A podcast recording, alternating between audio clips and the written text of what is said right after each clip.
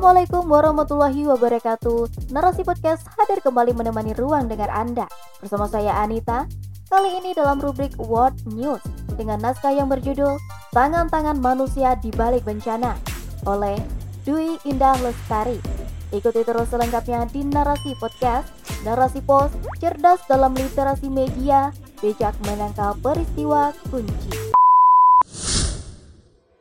Banjir bandang kembali melanda Sudan.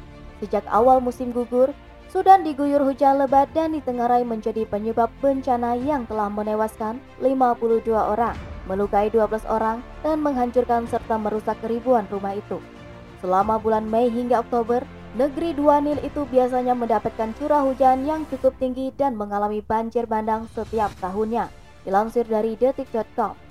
Perubahan iklim selama ini selalu dijadikan biang kerok dari berbagai bencana alam seperti banjir bandang. Tak dapat dimungkiri, bumi saat ini memang tengah mengalami perubahan secara global. Meskipun perubahan iklim sejatinya merupakan fenomena yang terjadi secara alami, namun sejak tahun 1800-an, aktivitas manusia di Tengarai menjadi faktor penyebab utamanya.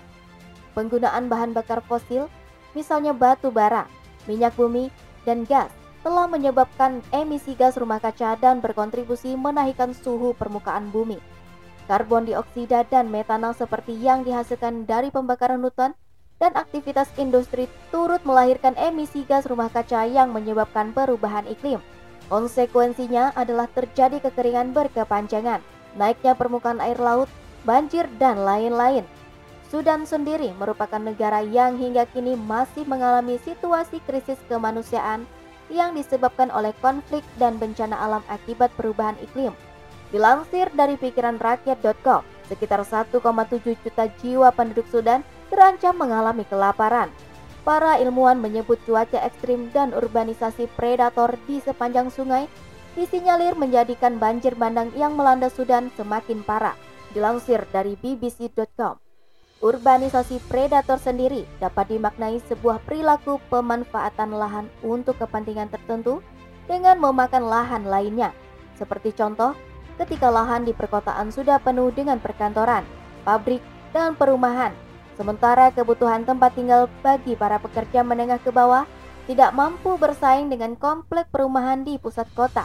Pilihan kemudian jatuh pada lahan di pinggir kota yang masih dapat dijangkau komplek perumahan yang menjamur seiring dengan meningkatnya kebutuhan akan sekolah, pelayanan kesehatan, dan pusat ekonomi memicu perkembangan sarana perdagangan, pendidikan, dan lainnya.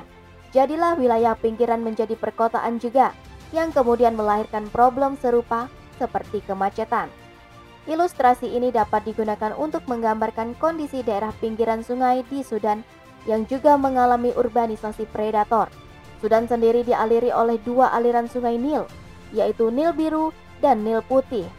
Seperti diketahui, bantaran sungai merupakan area yang berfungsi untuk menampung luapan air berlebih yang tidak mampu ditampung oleh badan sungai. Oleh karena itu, semestinya bantaran sungai bebas dari bangunan. Alih fungsi bantaran sungai untuk permukiman atau bangunan lainnya, ditambah gaya hidup yang tidak sehat, akan menyebabkan pendakalan dan pencemaran air wajarlah bila kemudian terjadi banjir. Jadi, dapat disimpulkan bahwa perubahan iklim sebenarnya bukanlah pencetus terbesar bagi terjadinya bencana banjir. Ada tangan-tangan manusia yang ikut berperan menjadi dalang.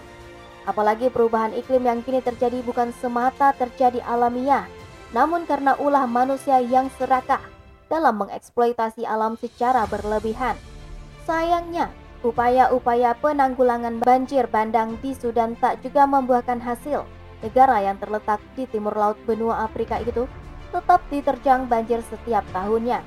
Tentu saja karena solusi yang dijalankan untuk mengatasi bencana tahunan ini belum menyentuh akar persoalan yang sesungguhnya. Dilansir dari liputan6.com, sebagaimana informasi yang bersumber dari pertahanan sipil polisi Sudan, konvoi bantuan yang membawa bahan makanan selimut, tenda, dan pompa air telah dikirim ke negara bagian Sungai Nil dan Sudan Barat yang merupakan wilayah terdampak. Selain itu, desakan agar warga menghentikan pekerjaan konstruksi di dekat sungai atau di sungai juga telah dikeluarkan melalui juru bicara Dewan Nasional Pertahanan Sipil Abdul Jalil Abdul Rahim. Solusi yang cenderung bersifat pragmatis tersebut tentu tidak akan dapat menghentikan bencana banjir akan terjadi lagi di masa mendatang. Sebab penyebab utama terjadinya banjir bandang ini bersifat sistemik sehingga dibutuhkan solusi yang revolusioner, yaitu dengan adanya perubahan sistem. Apalagi persoalan banjir bandang di Sudan ini salah satunya disebabkan karena perubahan iklim global. Maka Antisipasi bencana tidak cukup hanya dengan menyiapkan bantuan kemanusiaan saja. Ironis sebenarnya. Padahal Sudan merupakan salah satu negara Afrika yang memiliki kekayaan alam yang melimpah. Selain kandungan minyak dan mineral yang tersimpan di dalam bumi, tanahnya pun subur. Namun negara itu terus berkubang krisis kemanusiaan hingga kini. Padahal dengan potensi yang luar biasa tersebut, seharusnya Sudan mampu melakukan berbagai upaya untuk dapat menuntaskan bencana tahunan tersebut telah nyata sebenarnya bahwa tangan-tangan manusia memiliki andil bagi kerusakan alam yang melahirkan berbagai bencana seperti banjir bandang. Hal ini telah diingatkan oleh Allah Subhanahu wa taala dalam kalamnya yang agung. Telah tampak kerusakan di darat dan di laut disebabkan karena perbuatan tangan manusia. Allah menghendaki agar mereka merasakan sebagian dari akibat perbuatan mereka, agar mereka kembali ke jalan yang benar. Katakanlah Muhammad, Bepergianlah di bumi, lalu lihatlah bagaimana kesudahan orang-orang terdahulu. Kebanyakan dari mereka adalah orang-orang yang mempersekutukan Allah. Quran Surah Ar-Rum ayat 41 hingga 42. Kemaksiatan-kemaksiatan yang dilakukan oleh manusia telah berimbas pada alam yang semestinya dijaga oleh Khalifatul Fil Art ini. Sayangnya manusia justru senang melanggar syariatnya dan lupa pada amanah untuk menjaga kelestarian alam. Apalagi penerapan sistem kapitalisme yang dengan rakusnya mengeruk potensi alam untuk memuaskan hawa nafsunya semata. Seringkali kita mempertimbangkan dampaknya kepada lingkungan. Pada dasarnya, terjadinya bencana sebenarnya menjadi peringatan dari Allah untuk manusia agar berintrospeksi diri terhadap dosa-dosanya.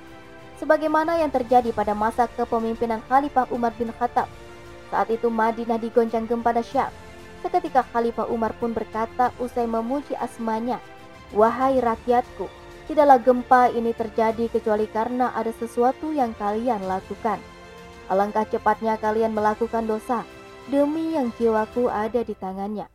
Jika terjadi gempa susulan, aku tidak akan mau tinggal bersama kalian selamanya.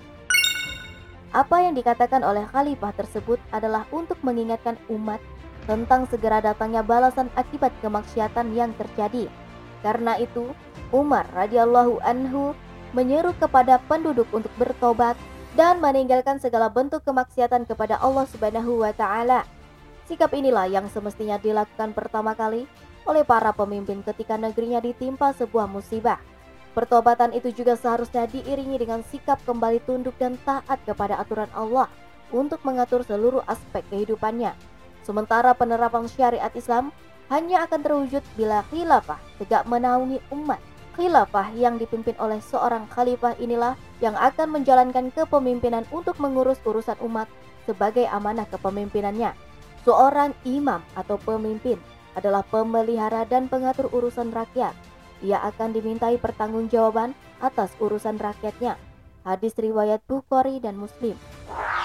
Khalifah pula yang akan menjalankan langkah-langkah penanggulangan bencana seperti banjir sesuai tuntunan syariat. Di antaranya adalah dengan memerintahkan masyarakat untuk menjaga lingkungan, menciptakan kebiasaan hidup bersih dan sehat, dan lainnya. Khalifah juga akan melindungi hutan, sungai, dan lainnya. Pembangunan bendungan, penataan tata ruang kota dengan mempertimbangkan lingkungan juga dapat menjadi langkah khilafah dalam mencegah banjir terjadi. Selain itu, Khilafah juga akan menerapkan aturan dan sanksi yang tegas bagi orang-orang yang merusak lingkungan, seperti membuang sampah dan limbah sembarangan, penebangan dan pembakaran hutan, serta aktivitas lainnya. Khalifah juga mendorong dan mendukung berbagai inovasi baru pemanfaatan sumber daya energi lainnya yang lebih ramah lingkungan, sehingga emisi gas rumah kaca dapat dihindari. Dengan begitu, perubahan iklim global dapat diminimalisasi. Andai pun terjadi bencana banjir, maka khilafah akan segera mengatasinya seperti melakukan evakuasi warga dan menyediakan bantuan, bahan pangan serta kebutuhan lainnya. Bila memang wilayah tersebut rawan banjir, maka khalifah akan melakukan pemindahan penduduk ke area pemukiman yang lebih aman. Dengan begitu, banjir dapat diantisipasi sehingga tidak memakan korban jiwa lebih banyak. Begitulah ketika sistem Islam yang kafah dipakai untuk mengatur kehidupan. Umat akan mendapatkan perlindungan dan penjagaan yang sesungguhnya. Bukan hanya itu, alam pun akan terjaga kelestariannya. Allah Subhanahu wa taala juga telah menjanjikan keberkahan hidup yang akan tercurah ketika umat mau tunduk pada syariatnya yang sempurna. Dan sekiranya penduduk negeri beriman dan bertakwa, pasti kami akan melimpahkan kepada mereka berkah dari langit dan bumi, tetapi ternyata mereka mendustakan ayat-ayat kami. Maka kami siksa mereka sesuai dengan apa yang telah mereka kerjakan. Quran Surah Al-A'raf ayat 96 Wallahu alam bisawab